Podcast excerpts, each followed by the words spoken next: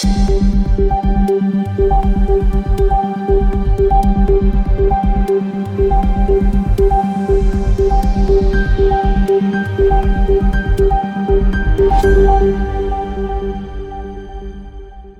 og velkommen tilbake til Krimnytt, en podkast for deg som ønsker å følge med på aktuelle true crime-saker.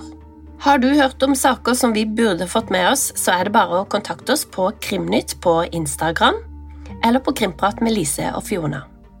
I forrige uke hørte vi om Melody Felancio, som forsøkte å myrde sin mann ved å forgifte kaffen hans.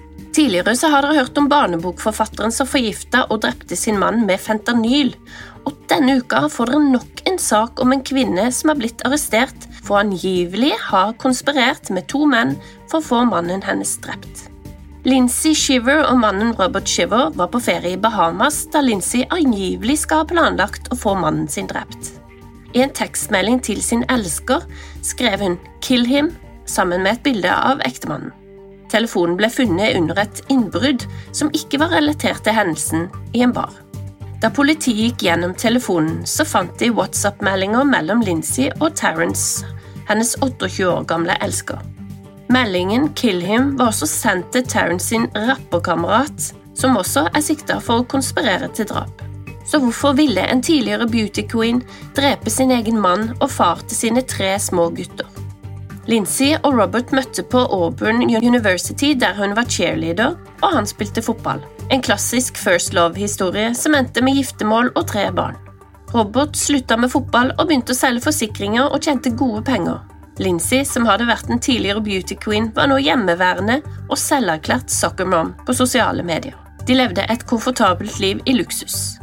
De reiste i privatfly og bodde i et flott hus til over 25 millioner kroner. Familien ferierte ofte på Bahamas, og det var også her 36 år gamle Lincy hadde funnet en 28 år gammel bartender. Det skal ha vært han og en kamerat som skal ha vært medskyldige i å planlegge drapet på ektemannen. Det viser seg at ekteskapet var i ferd med å gå i oppløsning, til tross for at det på sosiale medier så ut til å gå på skinner. 5. april søkte nemlig Robert om skilsmisse og skrev at grunnen var at Lincy hadde vært utro. Lincy hadde da også søkt om skilsmisse bare dager etter, og begrunna det med at Robert fysisk og psykisk mishandla henne. Nå var de midt i en kamp om omsorgsretten til barna. Lincy mente at hun burde ha omsorgen siden det var vanskelig for henne å komme seg i jobb, og det var henne som hadde vært hjemme med barna. Det er uklart om dette var motivet til å planlegge et drap. Det at begge var på Bahamas samtidig, virker merkelig siden de ferierte hver for seg.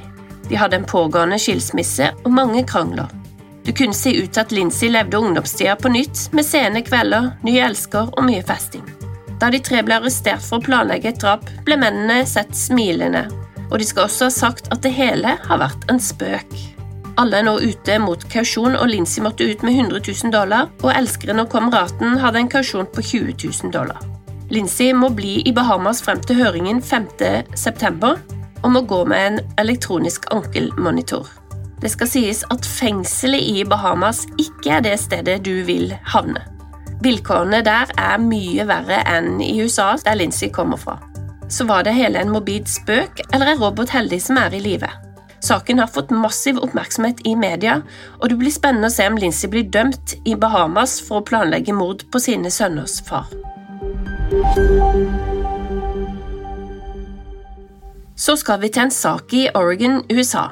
15. juli i år så klarte en kvinne rømme fra en hjemmelaga celle i en garasje i Klamath Falls, Oregon. Garasjen tilhørte 29 år gamle Negasi Suberi, som bodde der sammen med sin kone. I garasjen hadde han laga et lite rom av lekablokker som inneholdt en dør, en lyspære, en stol og en vifte. Negasi plukka opp kvinnen i Seattle og forgrep seg på henne og satte henne i håndjern. Under den syv timer lange bilturen til hans hjem i Oregon forgrep han seg på henne flere ganger.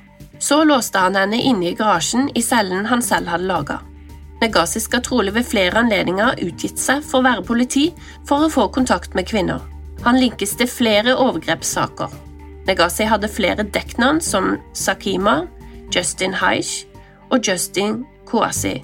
Kvinnen som solgte sex, ble et lett bytte for Nagasi, som mest sannsynlig skal sett ut som politi da hun ble kidnappet. Kvinnen skjønte etter noen timer i fangenskap at det var fare for livet hennes, så hun kjempet seg ut av rommet ved å slå og banke på døra til den falt ut. Hun var blodig da hun fikk løpt ut og stoppet en bil som brakte henne i sikkerhet. 16. juli ble Negasi arrestert da han handlet med kona i Reno, Nevada. Mest sannsynlig var han på flukt fra politiet etter kvinnen hadde rømt. Siden 2016 har Negasi bodd i ti ulike stater i USA, og tiden vil vise hvor mange saker han egentlig kan linkes til. Til nå er det fem saker som kobles til Negasi, der han har utgitt seg som politi, kontaktet kvinner som har solgt sex, for å så pågripe dem i gåstein. Flere skal ha blitt dopet ned, og han forgrep seg på alle. Mest trolig har kvinnen som rømte, reddet mange andre kvinner. Negasi kan få livstid i fengsel for hendelsen. Nå hørte dere for to uker siden om Rex Human som endelig har blitt arrestert for drapene på The Gilgo Four i Long Island, USA. Det vil si tre av de fire mordene. Også disse jentene jobba som eskortepiker, og i tillegg til Rex og Negasi så skal vi høre om nok en mann som skal ha drept kvinner som solgte sex. Denne mannen, Bryant Edvardo Riviera, skal ha drept minst tre kvinner i Mexico siden 2022. Selv om han knyttes til tre drap, er han bare til nå sikta for ett. Politiet tror at han kvelte Angela Carolina Acosta Flores på et hotellrom 24.1 i 2022. Han skal plukket henne opp i en bar, The Hong Kong Gentlemen's Club, og tatt henne med seg på hotellrommet i Tujana, Mexico. Overvåkningskamera viser Bryant gå inn på hotellet med Angela, for å så komme ut alene en og en halv time etter. Moren ble bekymret da Angela ikke tok telefonen. Datteren hadde tekstet henne og sagt at hun ble med en klient opp på hotellrom nummer 404. Da de ikke hørte mer fra Angela, dro kjæresten ned til baren. De kontakta så hotellet, men hotellet ville ikke åpne døra til hotellet før klokka tolv neste dag. Først da ble Angelas nakne kropp funnet. En annen kvinne som jobber med Angela, forteller at hun også ble med Brian til hotellrommet bare timer før Angela ble myrdet. Noen måneder etter mordet kom Bryant tilbake til samme bar og skal angivelig ha drept en annen kvinne som jobba i baren The Hong Kong Gentlemen's Club. Denne kvinnen ble funnet i sin egen bil, slått og kvelt til døde. Han ble arrestert 6. juli og er nå linka til enda et drap. Bryant Riviere blir sammenligna med den kjente seriemorderen Ted Bundy, som kidnappa, voldtok og drepte mest sannsynlig over 30 kvinner på 70-tallet. Han ble kun dømt for 20 av de. Rivière bodde og ble arrestert i USA, men han har vært etterlyst av politiet i Mexico siden 2022. I 2021 skal en annen kvinne ha blitt funnet død. Også denne kvinnen hadde Rivier på klientlista si.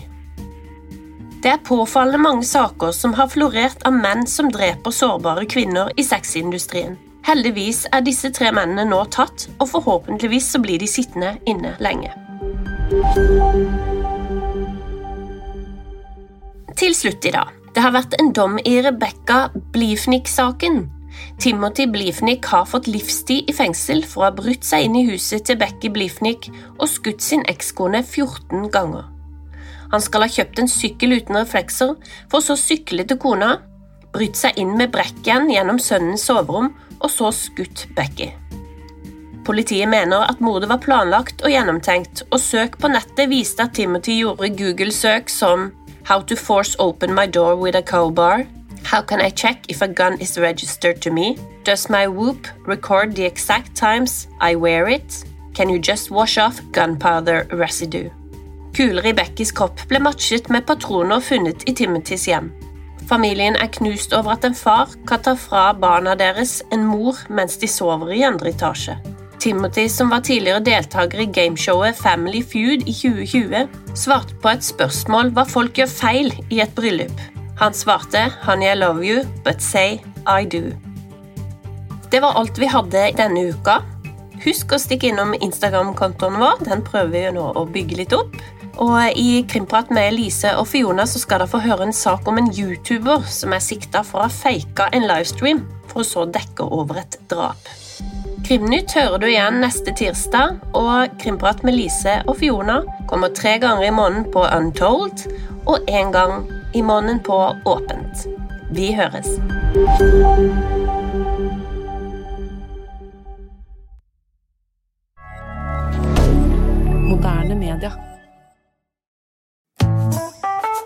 Har du et enkeltpersonforetak eller en liten bedrift? Da er du sikkert lei av å høre meg snakke om hvor enkelt det er å sende faktura med fiken. Så vi gir oss her, fordi vi liker enkelt. Fiken superenkelt regnskap.